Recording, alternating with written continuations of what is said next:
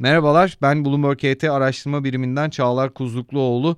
Eylül 2022 itibariyle Credit Suisse'in her yıl takip ettiğimiz küresel servet raporunu karşıladık.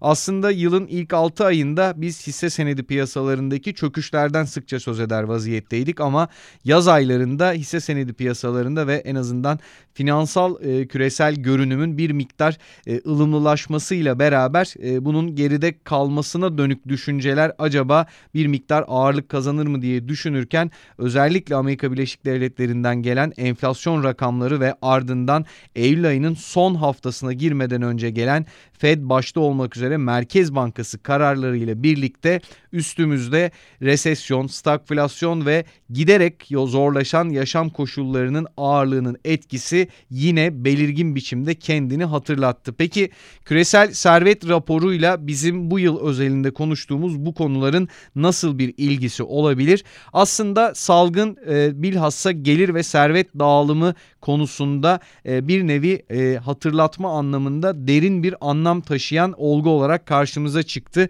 Salgının başlarında evde olmak insanlarda tasarruf ve geleceğe dönük endişelerle ilişkili olarak tedbirlerin artmasına neden olmuştu ama belki de bugün e, reel gelirlerin artan yaygın ve kalıcı hale gelen enflasyon karşısında artık tutunamamasının temel e, ne diyelim zaman dilimi olarak karşımıza çıkardığı 2021'de artan ekonomik aktivite ve bunun paralelinde bilhassa küresel çapta zorlaşan arz ve tedarik e, sorunları daha da etkisini enflasyonun üzerinde e, belirgin hale getirdi ve biz özellikle salgın öncesine oranla belki de rakamsal olarak e, maaşlarımızda gelirlerimizde bir gelişme görüyor gibi hissetsek de açıkçası yaşam koşulları çok da salgın öncesindeki haline gelmedi. Peki küresel servet ve gelir adaletsizliği bizim için yeni bir konu mu? Hayır ki Credit Suisse raporunda da 2000 yılından 2021 yılına kadar baktığımızda küresel servetin sadece 2008 yılındaki küresel finans kriziyle çok ciddi biçimde gerilediğini gösteriyor. Ama 2000 ile 2021 yılları arasında 2008 parantezini hariçte tutarsak küresel servet dalgalanarak da olsa yukarı yöndeki seyrini korur vaziyette. Peki Credit Suisse ne diyor küresel servet raporunda?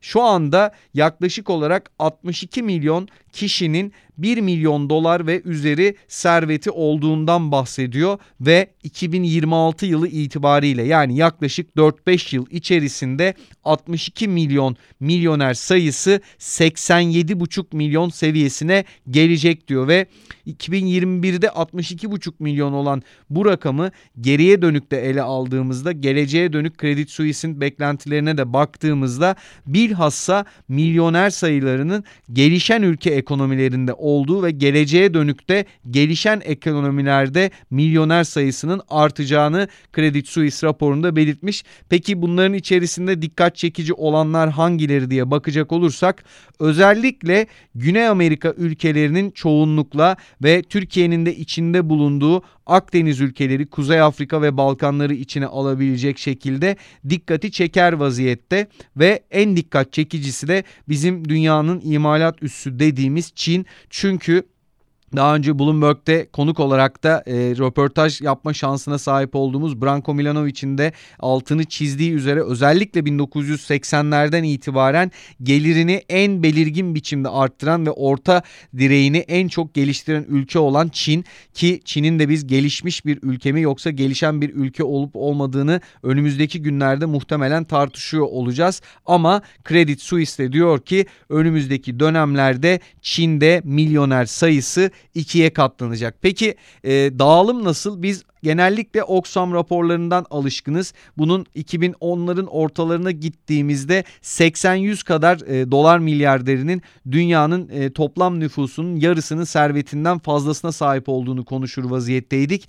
Bu rakam son yıllarda neredeyse 15-20'lere kadar düştü ki 15-20 kadar milyarderin yaklaşık olarak 4-4,5 milyar kişinin servetinden fazlasına sahip olduğunu konuşur vaziyetteydik. Credit Suisse de diyor ki dünyanın en zengin 500 insanın serveti yılın ilk yarısında 1.4 trilyon dolar eridi ama biz gelecekte özellikle gelişen ülke piyasalarında hızlı bir toparlanma bekliyoruz diyor. Peki küresel e, servet dağılımının piramidine bakarsak nasıl bir manzara karşımızda? 62 milyon kişilik bir grup en tepede çok ciddi bir servete sahip olarak duruyor ama 2.8 milyarlık bir insan grubu neredeyse tüm dünya servetinden çok kısıtlı bir pay alır vaziyette. Onların üzerinde de 1.8 milyar kişilik bir katman var.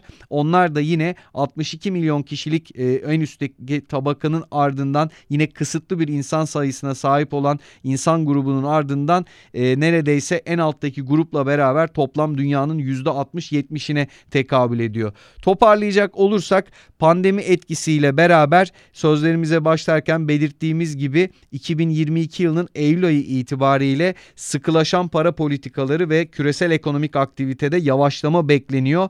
Ama Credit Suisse servetin artış trendini sürdüreceğini ve servet sahiplerinin varlık fiyatlarında yukarı yönün bir miktar sonra ekonomilerdeki toparlanmayla beraber pandemi etkisinin ve şu andaki etkilerin varlığına rağmen yukarı yönde seyredeceğini söylüyor. Ve enflasyondan en çok etkilenenlerin reel ücretlerin e, varlık sahibi insanların varlık fiyatları kadar yükselemeyeceği için reel ücretlerle geçinmeye çalışan orta direk grubu olduğunu söylüyor ve burada tabii aslında bir miktar geçmişi de anmak gerekiyor ki Karl Marx'ın e, sermayenin artış yasasında belirttiği gibi sermayenin artışı maaşla geçinen nüfusun artışının üzerinde gibi bir e, sonuç var karşımızda diyebiliriz. Bizi dinlediğiniz için teşekkür ederiz.